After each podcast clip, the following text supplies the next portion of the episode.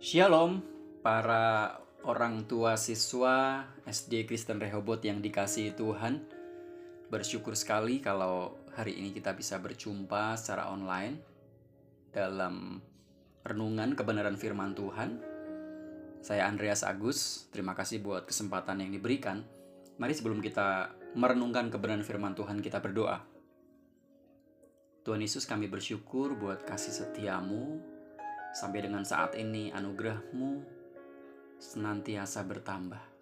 Kami mengalami kebaikan Tuhan setiap hari. Sebentar kami akan mendengarkan kebenaran firman Tuhan berbicara buat setiap kami Tuhan. Sampaikan isi hatimu, sampaikan kehendak Tuhan supaya sungguh-sungguh kami menjadi orang tua yang berkenan di hadapan Tuhan. Kami memberikan keteladanan dan bersama dengan keluarga kami, bersama dengan anak-anak kami, kami jadi berkat di mana pun kami berada. Pakai hambamu supaya setiap perkataan yang disampaikan itu berasal dari Tuhan. Dalam nama Yesus kami berdoa bersyukur, haleluya, amin. Bapak Ibu, hari ini kita akan belajar kebenaran firman Tuhan dengan judul Keluarga yang Diberkati. Saya kira ini menjadi sebuah kerinduan setiap keluarga ya untuk kita diberkati. Mari saya ajak kita membuka kebenaran firman Tuhan di dalam Yohanes pasal yang kedua ayat 1 sampai ayat yang kelima. Yohanes 2 ayat 1 sampai kelima. Judulnya perkawinan di Kana. Pada hari ketiga ada perkawinan di Kana yang di Galilea, dan ibu Yesus ada di situ. Yesus dan murid-muridnya diundang juga ke perkawinan itu.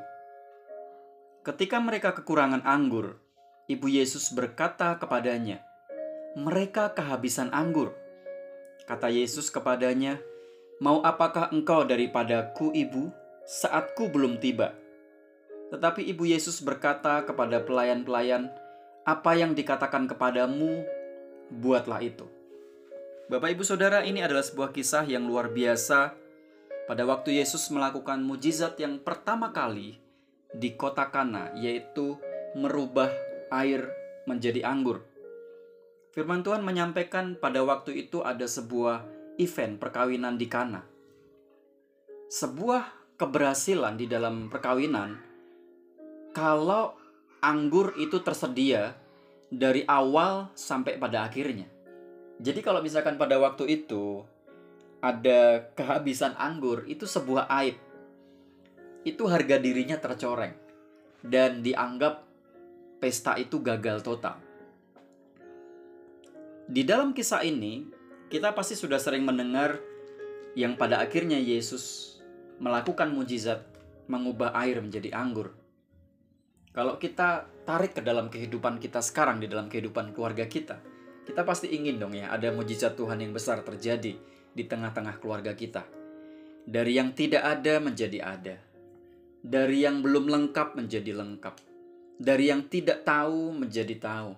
Dari yang biasa saja menjadi luar biasa. Seperti judul firman Tuhan hari ini, keluarga yang diberkati. Intinya pada waktu itu, kehadiran Yesus membawa sebuah berkat yang istimewa. Nah, hari ini saya akan membagikan tiga hal bagaimana caranya supaya keluarga kita diberkati. Di dalam ayat yang ketiga, saya akan baca sekali lagi ketika mereka kekurangan anggur. Ibu Yesus berkata kepadanya, mereka kehabisan anggur. Kekurangan anggur itu potensi yang berbahaya sekali kalau sampai pada akhir pesta akhirnya anggurnya tidak ada, wah malunya bukan main yang punya acara. Tetapi firman Tuhan mengatakan ibu Yesus berkata kepada Yesus. Dan perkataan ini dikarenakan ada keintiman, ada kedekatan, ada hubungan keluarga. Jadi hal pertama yang ingin saya bagikan hari ini adalah keintiman dengan Tuhan adalah rahasia berkat Tuhan. Sebagai keluarga yang juga kita berharap kita menjadi keluarga yang dewasa di hadapan Tuhan, Tentu saja kalau kita berbicara tentang berkat bukan melulu soal uang, bukan soal fasilitas. Tapi ada banyak hal berkat-berkat Tuhan itu. Hubungan keluarga yang harmonis, kehidupan keluarga yang jadi berkat, dan banyak hal yang lain lagi. Dan kunci nomor satunya adalah keintiman dengan Tuhan. Seseorang yang tidak kenal tidak mungkin mengajukan sebuah permintaan. Contoh misalkan, saya kenal sama bapak ibu, katakanlah Pak Rudi. Baru kenal setengah jam. Saya pikir tidak tiba-tiba saya berani bilang sama Pak Rudi, Pak Rudi besok saya menginap di rumah ya. Atau besok bagaimana kalau kita berwisata ke Bali? Pak Rudinya kaget sambil melototin saya. Kamu siapa? Tapi kalau misalkan ada hubungan yang sangat dekat saya dengan Pak Rudi gitu. Kapan-kapan main ke rumah yuk kalau perlu. Nginep bareng nggak apa-apa. Yuk kita jalan-jalan. Yuk kita kumpul keluarga kita lakukan kegiatan bersama. Oke. Ini adalah sebuah permintaan yang sulit bahkan sangat sulit. Tapi kenapa ibu Yesus berani mengatakan itu karena tahu dengan betul siapa anaknya. Seseorang yang punya hubungan yang sangat dekat kadang-kadang tidak perlu bicara loh. Dengan sinyal-sinyal dengan bahasa tubuh tangannya wajahnya itu bisa kelihatan sekali. Coba bapak-bapak yang dengar sekarang lihat wajah istrinya. Bisa kelihatan kan? Lagi sedih lagi seneng. Biasanya kalau awal bulan biasanya ceria oh enggak ya kita mau awal bulan tengah bulan akhir bulan berbahagia selalu yang setuju bilang amin amin Ya, jadi keintiman dengan Tuhan adalah rahasia yang pertama. Dan bagaimana kita bisa intim sama Tuhan? Setiap hari harus dibangun. Setiap hari harus dibangun. Kita berdoa, kita baca kebenaran firman Tuhan, memuji Tuhan, dan kita lakukan itu secara konsisten. Tidak oh Februari dilakukan nanti Maret nggak lagi gitu. Jadi nggak ada cara yang lain. Intim dengan Tuhan. Saya ingat pada waktu Tuhan berbicara kepada Nuh. Pada waktu Tuhan memerintahkan Nuh untuk membuat sebuah bahtera. Waktu saya pelajari ayat-ayat ini, saya mendapati hal yang luar biasa. Nuh tidak punya pengalaman sama sekali di dalam hal membuat bahtera. Dia bukan kuliah di perguruan tinggi jurusan mesin atau pakarnya dalam membuat alat-alat seperti itu tidak Waktu saya mempelajari, saya mendapati Nuh pekerjaannya petani, kebun anggur, pekebun. Tetapi kenapa Nuh bisa melakukan itu? Karena firman Tuhan mengatakan Nuh adalah sahabat Allah, berjalan bersama dengan Allah. Atau Nuh adalah orang yang sangat intim dengan Tuhan. Setiap hari Tuhan kasih petunjuk kayunya yang ini, ukurannya yang ini. Itu kepanjangan, ini kependekan, dan seterusnya. Berapa lama? Puluhan tahun.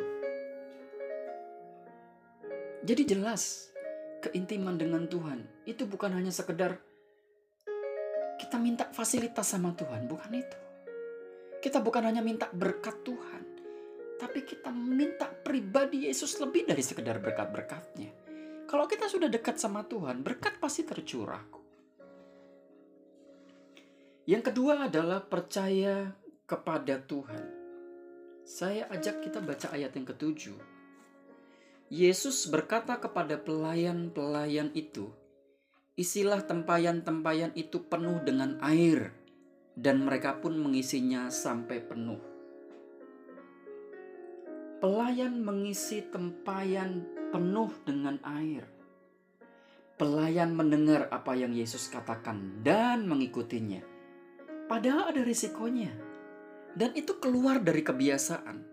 Kenapa keluar dari kebiasaan? Itu tempayan buat pembasuhan loh, buat cuci.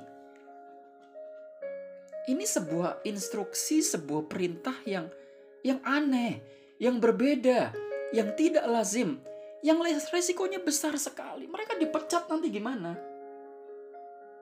Orang tua yang dikasih Tuhan, saya ingin mengatakan begini, kuasa Tuhan dilepaskan sejauh ketaatan kita kepadanya. Kalau kita sungguh-sungguh percaya kepada Tuhan, ada unsur iman. Unsur iman itu kita tahu, kita setuju, dan kita menyerah. Gak cuma sekedar tahu. Iblis juga tahu. Tuhan Maha Kuasa. Gak sekedar setuju, iblis juga setuju Tuhan Maha Kuasa. Tapi iblis gak mau ikut Tuhan. Itu bedanya. Jadi yang membedakan kita adalah waktu kita percaya kepada Tuhan, kita tahu, kita setuju, dan kita menyerah, kita lakukan. Meskipun kadang-kadang ini gak sesuai dengan logika. Ini keluar dari kebiasaan ini sangat berbeda dengan apa yang diajarkan orang-orang sekitar saya Tuhan. Loh Bapak Ibu bayangkan ya. Suatu kali ada sebuah pertanyaan, sampai kapan atau berapa kali aku harus mengampuni orang yang bersalah kepada kami guru? Yesus bilang gini, 70 kali 7 kali loh. Dan itu pun artinya bukan 490 kali. Tapi dunia ajarkan apa? Hei, kalau kamu mengecewakan saya satu kali, masih saya ampuni. Dua kali, masih saya ampuni tapi saya sebel banget. Tiga kali kamu ulangi, saya akan blok kontak. saya kenal nama itu. Kita putus hubungan. Kayak gitu. Bapak ibu saudara kita perlu percaya kepada Tuhan yang artinya kita perlu melakukan kehendak Tuhan. Dari mana kita tahu kehendak Tuhan? Dari kebenaran firman Tuhan yang kita baca setiap hari. Kita sungguh-sungguh bisa menghargai perasaan Tuhan kita sungguh-sungguh bisa menyelami apa yang Tuhan mau. Dan kalau kita percaya, ya karena itu maunya Tuhan, ya Tuhan punya berkat-berkat istimewa yang tidak sesuai dengan pemikiran kita. Ada kalanya kita kesulitan, ada kalanya orang lain bilang ini, ini nggak nggak ada jalan keluar lagi, udah kamu habis, kamu habis, kamu nggak bisa. Orang-orang sekitar kita bilang gini. Tapi pada waktu kita intim dengan Tuhan dan kita percaya sama Tuhan, pada waktu kita sedang kebingungan, waktu kita sedang menanti, tiba-tiba Wah, lonceng kemenangan berbunyi. Kenapa? Tuhan menunjukkan caranya. Tuhan melakukan mujizatnya. Dan itu membuktikan bahwa Tuhan hidup. Bapak Ibu kita jujur sama-sama deh. Kalau kita bisa sampai ada sampai saat ini, anak kita sudah sebesar ini gitu. Sepertinya kok cepat sekali kan. Atau mungkin ada dari Bapak Ibu yang anaknya punya kakak, punya cici, punya kokok yang sudah kuliah, sudah menikah mungkin? Gak terasa. Tuhan bimbing kita dari hari ke sehari dan sampai dengan saat ini. Jadi percayalah kepada Tuhan. Yang ketiga yang ingin saya bagikan adalah tampil beda, tampil berani. Berani berkata tidak meski sekitar kita mengatakan ya. Jelas dari apa yang Yesus perintahkan kepada pelayan-pelayan itu beda banget. Apa yang dikatakan kepadamu buatlah itu. Jadi bukan buatlah kalau yang dikatakan kepadamu itu mudah. Lakukan kalau yang dikatakan Yesus itu masuk akal. Kerjakan kalau yang dikatakan Yesus itu sesuai dengan pengalaman kita. Tidak. Di ayat 6 di situ ada tempayan yang disediakan untuk pembasuhan menurut adat orang Yahudi. Menurut adat yang udah kebiasaan. Berani gak sih kita tampil beda? Kita sering berpikir, ya kalau aku sendirian gimana? No, no, no. Meski kita sendirian, tapi waktu kita percaya kita ada di jalan Tuhan, pembelaan Tuhan itu ajaib. Suatu kali Musa menyuruh 12 orang mengintai tanah Kanaan. Jelas itu. 12 disuruh. 10 orang.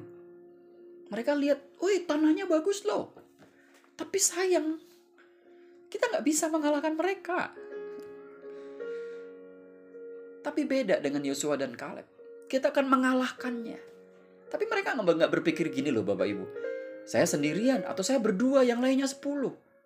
Oh dominis, dominasi mayoritas selalu benar. No. Selalu benar. Itu sesuai kebenaran firman Tuhan. Meskipun sendiri. Kadang-kadang kan kita. Aduh nanti diomongin orang kalau kita beda sendiri. Bapak ibu yang baik. Tuhan sedang membimbing anak-anak kita. Memang tidak sama seperti dunia ini membimbing. Tuhan memelihara anak-anak kita, menyiapkan anak-anak kita. Tidak seperti apa yang dipersiapkan dunia. Kualitasnya beda.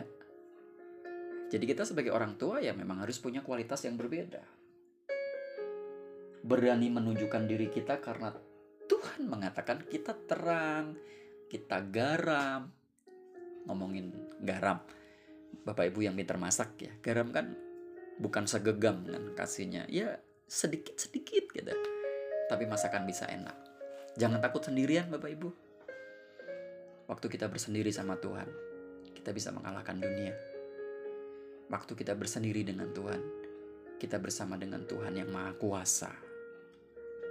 Jadi, waktu kita intim dengan Tuhan, kita percaya kepada Tuhan, dan kita berani tampil beda. Selamat menyambut berkat-berkat Tuhan. Selamat menikmati kehidupan keluarga yang diberkati. Bapak Ibu, yuk kita praktekkan kebenaran firman Tuhan ini. Saya percaya Kasih Tuhan memampukan setiap kita menjadi orang tua yang sungguh mengasihi Tuhan. Lihat nanti, anak cucu kita ke depan jadinya seperti apa. Beda dong. anak Tuhan beda. Kita akan terus menuai sampai ke depan. Mari kita berdoa. Kami bersyukur hari ini berkat Tuhan luar biasa lewat kebenaran firman Tuhan Jadikan kami keluarga yang sungguh-sungguh diberkati dan kami juga rindu kami menjadi saluran berkat buat keluarga yang lain Tuhan. Hambamu selesai berbicara dengan banyak sekali kelemahan tetapi berdoa kebenaran firman Tuhan itu senantiasa berbicara buat setiap kami sepanjang hari. Hamba berdoa buat orang tua SD Kristen Rehobot memberkati setiap pekerjaannya apa pun yang kami lakukan diberkati Tuhan. Sekolah ini juga jadi alat Tuhan yang luar biasa. Terpujilah namamu. Dalam nama Yesus, kami berdoa, kami bersyukur. Haleluya. Amin. Terima kasih. Shalom, Bapak Ibu Saudara. Saya Andreas Agus. Tuhan Yesus memberkati kita semua.